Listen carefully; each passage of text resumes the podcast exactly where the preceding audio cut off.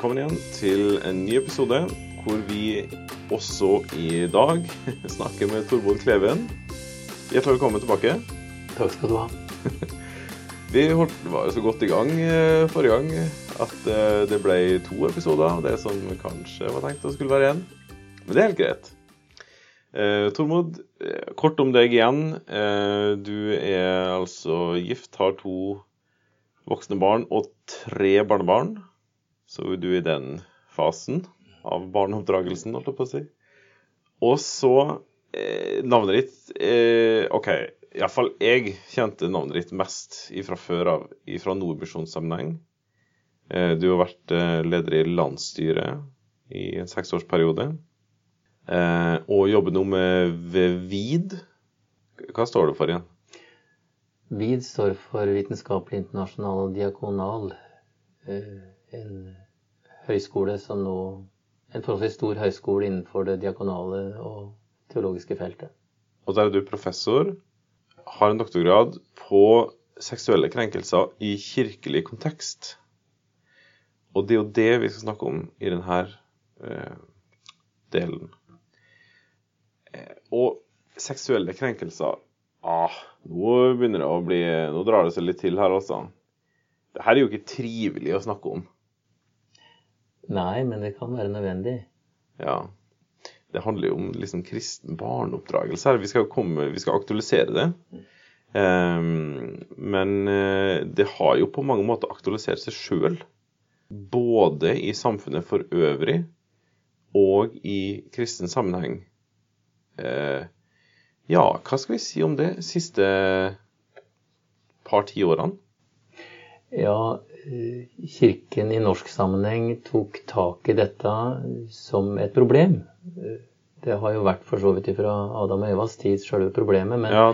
Kirken tok i tak i det som problem eh, ved å begynne å jobbe med retningslinjer og rammebetingelser for hvordan skulle håndtere det. I, i ja, 98 kom de første, 1998 kom de første fra Den norske kirke, og så har de kom de fleste kirkelige sammenhenger og kristne organisasjoner på løpende bane de første åra deretter. Så sånn sett så er det ikke så gammelt. Men det er samtidig i norsk sammenheng var, var nok Kirken en av de første ute til å nettopp å jobbe med denne tematikken og lage retningslinjer på det. Mm. Ok, men hvis vi skal spole litt tilbake, hva er egentlig en seksuell krenkelse? Vi skjønner jo litt på en måte hva det går i, men likevel. Det er noen definisjon her. Ja, det er flere definisjoner og, og, som en kan bruke. Um, den som jeg anvender og har lagt til grunn for det jeg har jobba med, den sier at seksuelle krenkelser er når en som er i en maktposisjon i forhold til deg, tråkker over dine personlige grenser. Uh, intimitetsgrenser, kaller jeg det. Mm -hmm. uh, ved å anvende seksualitet som et uh, middel, et maktmiddel, i møte med deg. Mm -hmm. Krenkelser er et godt ord, fordi det snakker jo om Det bruker vi i det alminnelige språket om å om å krenke både andres landegrenser og andres personlige grenser. Det er å tråkke på innsida av noe som vi har en personlig eiendomsrett til. Mm. Eh, som er våre ramme, rammer, og, og som vi, vi, eier. Og når noen da tråkker på innsida der, og bruker det til å okkupere livsrom hos oss ved å seksualisere eller bruke seksualitet som et, et middel i den sammenhengen, så kaller vi det seksuelle krenkelser. Mm. Men har det bare med kropp å gjøre? Nei, det har ikke bare med kropp å gjøre. Fordi vi, det kristne menneskesynet forteller oss jo nettopp at vi er hele mennesker. Ja. Uh, og ikke minst i forbindelse med seksuelle krenkelser så, så blir det veldig aktualisert. Fordi seksuelle krenkelser handler jo om handlinger på kroppen og mot kroppen ved å berøre eller å gjøre noe i, i de delene av kroppssonene som er intime, som er personlige. Ja. Uh, og, og, også hvor, uh, hvor, vi knytter det vel til det seksuelle feltet. Mm. Uh, det vi vet, er at de handlingene de kan være av ulik art, og ytterst sett være mer eller mindre alvorlige. Men isolert sett så er det ikke det som avgjør om den seksuelle krenkelsen eh, påfører mennesker eh, vonde, sterke traumer eller ikke. Mm. Nettopp fordi at det er så avhengig av hvordan relasjonen er, hvem som gjør det, og på hvilken måte det gjøres. Ja, for du nevnte makt her. Ja, ja. Hva er makt? Ja, mitt utgangspunkt er at vi har jo alle makt. Og hadde vi ikke det, så kunne vi ikke gjort noe godt. Fordi vi trenger makt for å gjøre noe godt imot hverandre. Mm -hmm. Men vi kan også misbruke den makten vi har. Og den makten som kanskje er sterkest i de fleste sammenhenger, og som oftest blir brukt i forbindelse med seksuelle krenkelser, det er det vi kan kalle tillitsmakt. Mm. At vi har tillit til noen, at vi slipper de innpå oss, Mm. at vi tillater de å få del i våre personlige utfordringer og liv. eh, Eller at vi gir de tillit ved å stole på de. Eh, Og så benytter da den som vi stoler på, og som har en maktposisjon i livet vårt, den makta til å misbruke den ved å seksualisere det som er relasjonsinnhold. Mm. Og anvende den til å både med, med, med ord og med kropp eh, og, og gjøre oss og tråkke over våre personlige grenser. Ja, så det går ord, bare ord òg? Ja, ja. Det går an å gjøre det med bare ord også. Måten vi omtaler en annen person på, kan trenge dypt, dypt inn. Ja, og da er vi jo inne på f.eks. Uh, seksuelle krenkelser på nett. Som Ja, for ikke trenger å ha med bilder å gjøre, faktisk. Ja, ja. Vi, vi, vi vet ganske mye om det i dag, og hva det kan påfyre av, av vonde erfaringer som trenger lang tid til å bearbeides etterpå. Fordi det Utfordringen er at seksuelle krenkelser, som enhver krenkelser, men kanskje ikke minst seksuelle krenkelser, den påfører ikke bare noen handlinger eller noen ord eller noen måter å formidle noe på, men den påfører en virkelighetsforståelse eh, av at den som da tar imot den andre mennesket, påføres en forståelse av at eh, det er jeg som er medskyldig og medansvarlig i det som skjer. Det er jeg som opplever at jeg blir påført en skam eh, over det som skjer, og jeg blir sittende igjen med ansvaret for det. Det høres rart ut at en treåring som, eller femåring kan oppleve det når den blir utsatt for seksuelle krenkelser av en 30 år gammel mann. Men like fullt så er det eh, det er en del av selve krenkelsen. Ikke fordi barn er spesielt, men fordi at en rett og slett på samme måte som en overfører fysiske handlinger, seksualiserte handlinger, så overfører en også en virkelighetsforståelse Mm. som gir den andre ansvaret for det jeg faktisk er ansvarlig for. Ja, og da kan en jo skjønne litt mer av hvorfor og hvordan det stikker så djupt, da. Ja, en kan det, og en kan forstå uh, hva det kan påføre av livsslit og lidelsestrykk hos mennesker. Ja, Lange virkninger, liksom. Ja, det det er viktig å ha med seg. Og så er det også viktig å si at det er mulig å oppleve dette og kunne bearbeide det på en forholdsvis god og rask måte. Så Ja. det er, vi er forskjellige. Og, og vi er også øh, Og det har, som jeg sier, også noe med relasjonen, hva slags betydning det har, hva slags livsfase vi sjøl er i, vår egen sårbarhet. Eh, Så det er mange faktorer som spiller inn, men utgangspunktet er at enhver seksuell krenkelse har potensial i seg til å sette store, dype sår. Ja. Og jeg tenker, Vi skal komme litt mer tilbake på det, men eh, tenk på akkurat det du sa med ord og nett og en sånn del sånne ting. For da jeg håper å si, Det åpner jo veldig Da er det jeg håper å si, veldig mange kanaler, eh, bokstavelig talt, at en seksuell krenkelse kan komme igjennom, rett og slett. Ja, det er mange kanaler.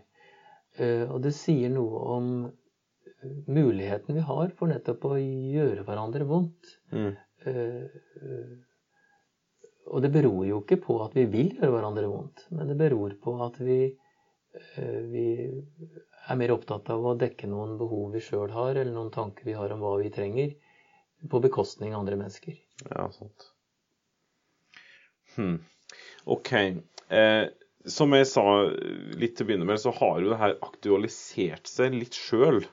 Det det har ikke aktualisert seg sjøl, men altså, det har blitt mye mer synlig. Det er det som er poenget mitt. da. Eh, både i samfunnet og også i kristne sammenhenger eh, Har du noe sånn tallmateriale? Hvor, hvor vanlig er det her? Hvis du tar altså, et eller annet statistikk holdt jeg på å si, på det? Ja, eh, det er mange som har laga statistikk på det, og den spriker nok en god del Ja, når det gjelder kanskje. mengdetallet her. Ja. Eh, Men jeg, jeg tror at du kan regne med at i en skoleklasse så finner du eh, kanskje en, en tre, fire, fem stykker som kan ha vært utsatt for seksuelle krenkelser, hvis du tenker statistikk. Hvor stor er den skoleklassen da? På en eh, 25-30 elever. Ja. Altså du kan regne med, med andre ord, i en skoleklasse så sitter det elever som har vært utsatt for seksuelle krenkelser Av en eller annen art. av en eller annen art. Et uh, flertall er jenter, men også gutter. Hmm. Eh, Det betyr at vi kan ikke gå rundt og tenke at det er noen andre enn noen vi ikke kjenner. Det er noen som vi absolutt kjenner, Ja. eh, som kan ha vært utsatt for det. Mm.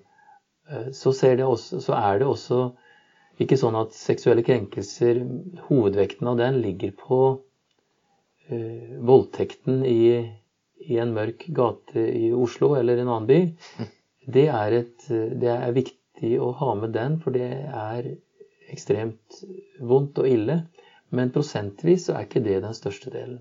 Det er heller ikke faktisk eh, eh, seksuelle krenkelser som skjer innenfor hjemmet, selv om det som kalles incest også er en, en, viktig og stor del at foreldre, fedre, mødre, stefedre, stemødre eller storesøsken eh, gjør seksuelle krenkelser imot mot barna i familien. Mhm. Men den største gruppa er faktisk de som er eh, kjentpersoner for barnet eller ungdommen eller den voksne som blir utsatt, eh, og som ikke er en del av familien, men som er en del av nærmiljøet, en del av omgangskretsen, en del av de som enten foreldrene kjenner, eller som barn og ungdommen sjøl kjenner. Men som fortsatt kjenner. Som de kjenner, ja. Ja. Hm. Eh, Så det betyr igjen at vi møter her nettopp at seksuelle krenkelser skjer i størst grad av mennesker som en i utgangspunktet har et rimelig stort tillitsforhold til. Mhm. Og det gjelder ikke minst innenfor kristen sammenheng. Ja, kan du si noe om eh, aktualiteten der òg, da? Er det lik Altså Den eneste måten å møte dette på i, i våre fellesskap, i kirkelig sammenheng, eh, det er å regne med at det kan skje. Ja. Det er den beste forebyggende metoden vi har. Fordi det er eh, en realitet at det kan skje. ja. Og da etablerer vi øyne som kan se at det kan skje. Mm. Eh, og det er nettopp mennesker som vi ofte tenker stort og godt om. Eh, jeg har nok sittet altfor ofte sammen med folk jeg sjøl har hatt som åndelige forbilder, og som har utøvd seksuelle krenkelser innenfor våre kirkelige sammenhenger. Eh, det handler ikke om spesielle personer, det handler om personer som eh, kan ha gjort mye godt, kan ha forkynt Jesus og vi har blitt glad Mm. og sett ham for våre øyne, men som likevel gjør det onde og gjør ondskap, som jeg kaller dette her, Ja. eh, midt i den virksomheten, dessverre. Ja. Det er jo rett og slett en erkjennelse av uh, at vi er mennesker, med all den skiten det innebærer, også. Ja, og der har vi kanskje vært litt naive etter hvert i kristne sammenhenger, for vi regner med at, eh, at det har på en måte gitt oss et fritak. I hvert fall tenkte Kirken lenge det, at hos oss så skjer ikke sånt, var jo mantra før dette kom opp og begynte å bli tatt i på 90-tallet. Ja, sant. En benekta at det var en realitet i kirkelig sammenheng. Det kunne skje i andre sammenhenger, men ikke hos oss. Nei. Eh, Og det var en type naivitet om at det å tilhøre kirken eller å være frelst eller kristen, det, det ga oss en type sånn beskyttelse imot det. Mm. Og dessverre så er det feil, og det er også eh, å ikke ta Bibelens menneskesyn på alvor. Nei, det er jo ganske det er ganske mye sånne grelle historier, særlig i Gammeltestamentet, kanskje. da. Ja, ja, det er det. Absolutt. Vi har en del av det, det slaget der også. Hmm, OK. Men så har man eh, Så vet man alt det her, og er selvfølgelig redd for det her, som forelder også. Um, hvor, hvor, begynner på en måte samtalen, og hvordan begynner den med ens barn? Du tenker om dette temaet? Ja. Hva handler den om første gang, på en måte? Eller, eller OK, med konkret spørsmål. Når begynner man å snakke om det her? Jeg tror man ikke begynner å snakke om det, man begynner å modellere hvordan en kan ha respekt for barnets uh, egne grenser. Ok. På hvilken måte? Med det mener jeg eh, at barnet skal ha rett til å sette grenser for hva som er godt av bl.a. kroppslig kontakt, ikke minst fra oss voksne. Ja. Vi er glad i barn på bedehus og i kirkelig sammenheng. Mm. Og jeg tenker vi er også vant med at når det kommer et barn stabbende imot oss, så er det lett å gripe tak i det, sette det på fanget og og ta rundt det og i våre øyne vise det godhet. Mm. Men når barnet da skriker, så formidler det at 'dette liker jeg ikke, dette vil jeg ikke'. Mm. Det å modellere nettopp at barnet har eiendomsrett til sin egen kropp, er jo å respektere at de grensene barnet setter for hva det vil av klemming og av nærhet, mm -hmm. at vi viser det i praksis. Mm. Eh, så er det noen ganger vi må ta barnet, for vi må fjerne dem fra det som er farlig, eller det som eh, Som foreldre, ikke minst. Mm.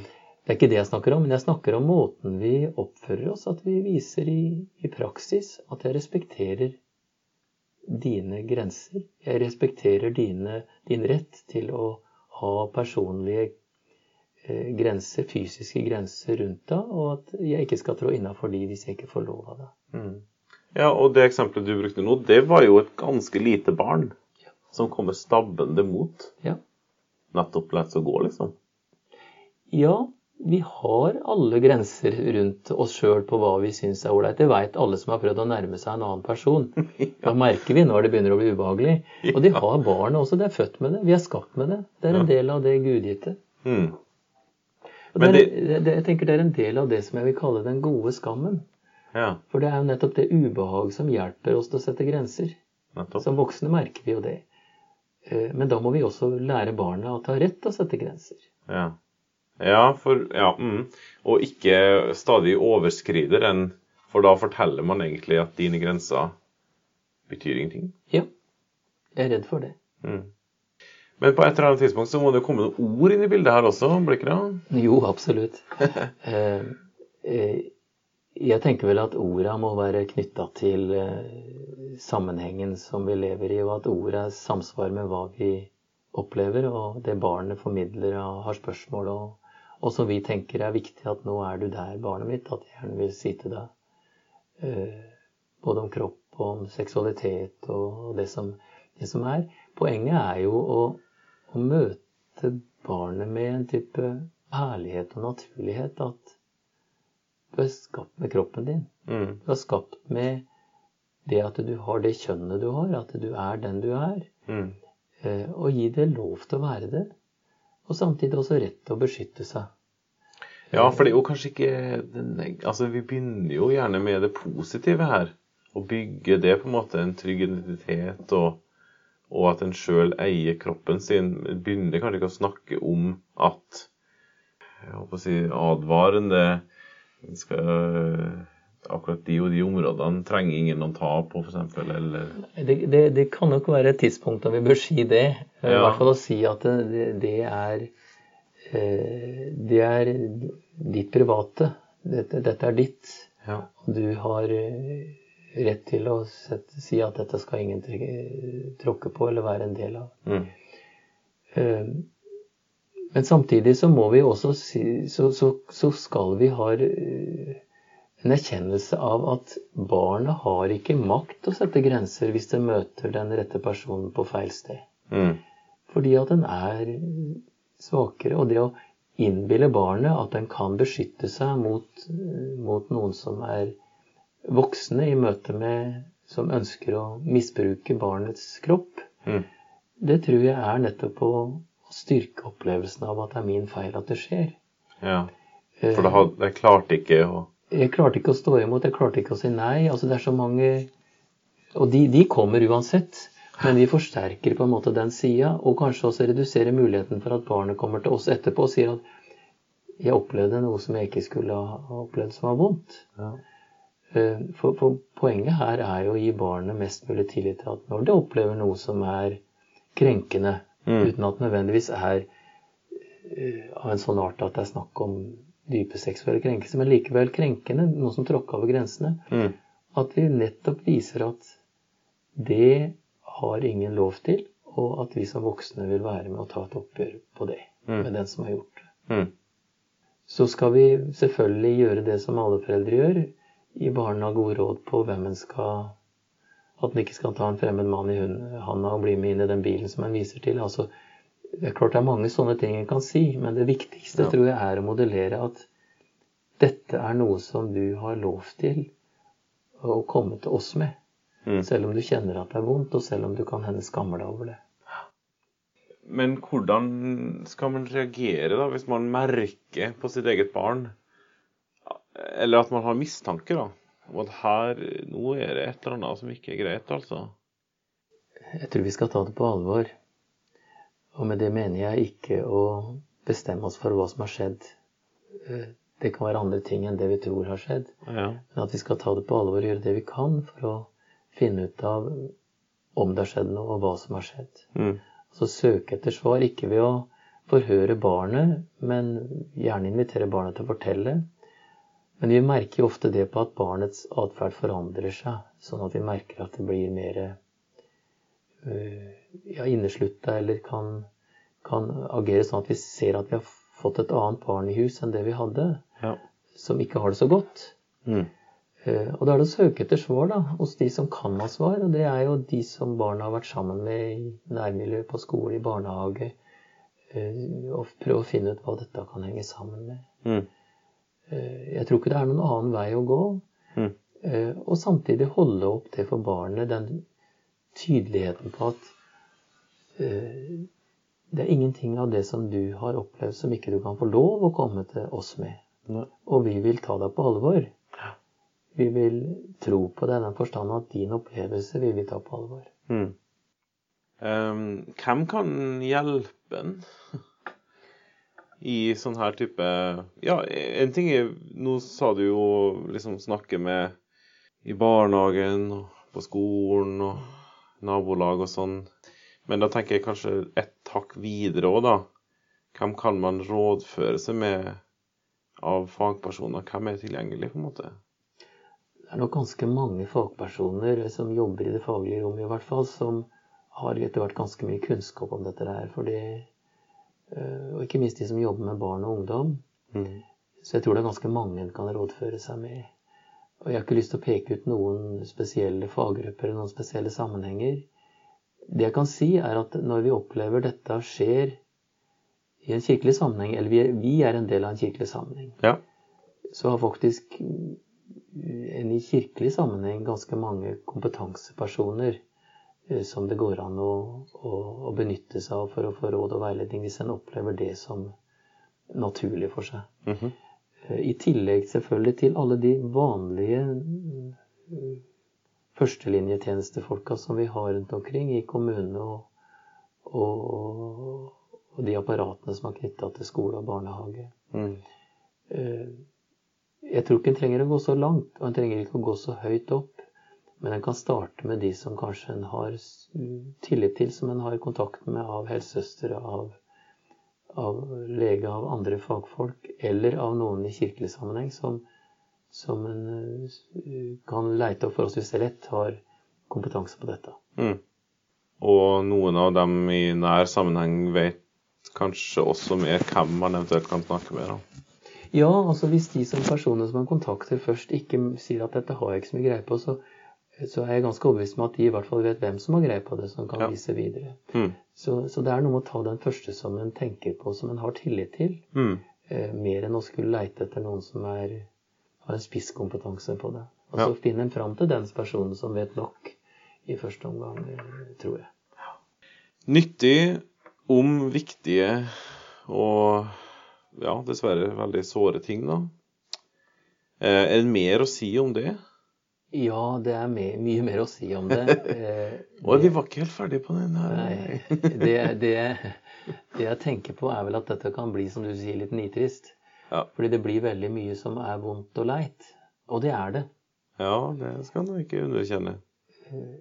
Jeg har vært i møte med ganske mange som har opplevd dette her gjennom ganske mange år. Eh, Og fulgt de også i ganske mange år. Og det som jeg har lyst til å si, er at etter å ha møtt mennesker som har blitt utsatt for dette i veldig stor grad, Ja. så er det en veldig eh, sterk opplevelse å se nettopp hvor dypt de såra har stikket. Det er den ene siden. Mm. Men det er også sterkt å se hvordan mennesker kan jobbe seg gjennom det, finne ut av det, plassere dette i livet sitt, plassere ikke minst ansvaret der det hører hjemme, så det, hun kan ta det ut av sin egen kropp og sitt eget sinn. Nettopp. Og oppleve noe som jeg syns er et under. At de kan sitte igjen som mennesker som i en oppreist fasong kan dele dette med andre som trenger å høre det og få hjelp. Eh, At midt oppi det så er det ikke, så langt jeg har opplevd, noe som eh, jeg kan tenke at dette er håpløst å få gjort noe med. Eh, Og det er viktig å si til de som sitter med såra, men også de som har nære som sitter med såret. at Ja. det virker håpløst, eller kan virke håpløst når det er på det tyngste. Men eh, det, det er mulig å gå en vei hvis en for det første eh, den som bærer på det, eh, vil fortsatt stå i det og ikke gi opp. Mm. Men da trenger den som står i det og har opplevd det, noen nære som kan våge å orke. Å være ikke fagpersoner. Nei. De er det for så vidt eh, greit å ha, men de er sånne punkt, punktmennesker. Mm. Men jeg tror alle som bærer på sånne ting, trenger et medmenneske. Mm. Som går sammen med og går, tåler å være der. Tåler å grine litt sammen og tåler å høre historiene eh, og si at Ta imot de. Ikke for å finne svar, men for å tåle de. Og tåle den andre, ikke minst, som bærer på sånne historier. Ja. Og det kan vi være. Eh, Det trenger vi ikke å være spisskompetente på, men vi skal være til stede Mm. og tåle det. En, et kjøkkenbord og en kaffekopp. eh, Man kommer så langt, kommer langt med det, da. Ja, ja, ja. Ja, nyttig. Du, ehm, vi rakk jo ikke å komme til frispark i forrige episode, men eh, vi skal ta det nå. Ok. Eh, hva syns, uavhengig av de tingene som vi har snakka om nå, eh, hva syns du er særlig viktig å trekke fram når overskriften er 'kristen barneoppdragelse'? Jeg tror det viktigste er å leite etter åssen vi til enhver tid kan vise disse barna våre eh, med ord, med holdning, med øyne, at de er det aller viktigste i livet vårt. Mm. Å greie å formidle det når vi egentlig er ganske sinna på dem, er en utfordring. Ja, Jeg tror det går an også. ja, Men det går i hvert fall om å vise det når vi eh, opplever at de ikke strekker til. Eh, for nettopp da har vi, så rart den høres ut, kanskje størst mulighet til å vise hvor viktig de er for oss. Ved at vi sjøl tillater oss å være sårbare for våre barn, sammen med våre barn. Ikke ved at vi ikke forlater vår posisjon som forelder, for det har vi med oss. Men ved at vi er ærlige på at her gjorde jeg noe som jeg ikke skulle gjøre. Rydder opp. Eh, Da tror jeg barna tar imot eh, tar imot den muligheten de har til å vokse i egne øyne, at de kan bære på et best mulig sjølbilde. Og det er det de trenger når de vokser opp. takk. Og så det siste spørsmålet som alle gjester får her. Um, hvordan skal vi lede våre barn til Jesus, sånn at de følger han og fortsetter med det? Hva vil du svare på det?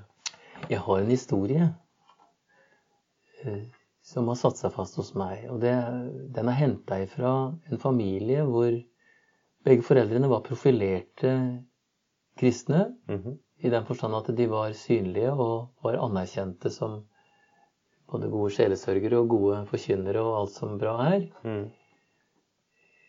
Jeg møtte de i en sammenheng hvor barna var i front. Da var barna blitt eh, i hvert fall tenåringer tilnærma, og noen var også blitt voksne. Mm. Da sto disse to foreldrene litt på sidelinja og var litt sånn med bøyde ansikter, fordi barna var blitt utfordra på hva er det som dere har opplevd har hjulpet dere til å bli kjent med Jesus hjemme? Ok, Var det offentlig sammenheng? Offentlig sammenheng. Ok. Og da visste de ikke at det skulle bli stilt, eller? Eh, Foreldrene visste det, men de visste ikke svaret. Ok. Eh, Og det var en artig seanse, for det barna begynte med, det var å le. Hvor de fortalte med god latter og god humor alle de gangene foreldrene hadde prøvd å få til et godt andagsliv hjemme hos dem. Alle de gangene. Alle de gangene, ja. Og hvor ofte de opplevde at de hadde mislykkes. Ja. Eh, Barna hadde opplevd det mislykkes, for det blei ikke Det blei liksom en sånn skippertak, og så gikk de i stå, og så gikk det gæli. ja. Og jeg så på foreldra, og de smilte litt, men de smilte samtidig litt beskjemma over det.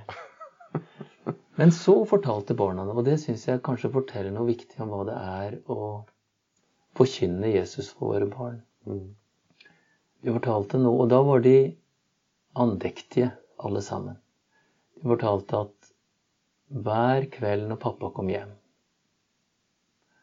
så kom han inn på rommet til de, enten de var våkne eller så, og så tegna han korsets tegn over dem. Mm. Ikke noe annet. Men han forkynte tydeligvis og formidla Jesus for dem på en sånn måte at det, det var så enkelt, og det var så bokstavelig Mm. eh, at han tegna Jesus inn i livet deres. Og det lærte i hvert fall meg noe at Noe som sønnen min sa en gang. Jeg hadde en av disse vanskelige samtalene om seksualitet osv. med han i hans tenår. Eh, Og der jeg prøvde å si noe som jo var vanskelig å si, om hva jeg syntes var gode grenser osv. Og, Mm. og så spurte han har du skjønt dette før, sa jeg til ham. Og vi hadde ikke snakka om det. Og svarte det er ikke mulig å vokse opp i dette hjemmet uten å skjønne det, sa han. Det fortalte meg noe som er, mye, som er, som er så opplagt. Mm. At vi forkynner mye mer med måten vi er på, måten vi formidler oss sjøl på, Mm. holdningene vi har, enn all verdens prekener og forkynnelser. Mm. Og så skal vi forkynne Jesus med ord for barna våre, Mm. for all del. Men det som setter seg fast, det er det vi er. Mm. Og da forkynner vi Jesus ved at vi sjøl lever nær Han og kan være ja, et speilbilde Han i møte med barna våre. Mm. Ikke som en prestasjon, men som et resultat av at vi lever sammen med Han sjøl. Eh, Tormod, tusen hjertelig takk for at du har vært med både i dag og forrige gang. Lykke til i tjenesten videre, må jeg si også. Takk skal du ha. Så ønsker vi hverandre lykke til i uka som kommer, som mødre og fedre. Vi høres igjen.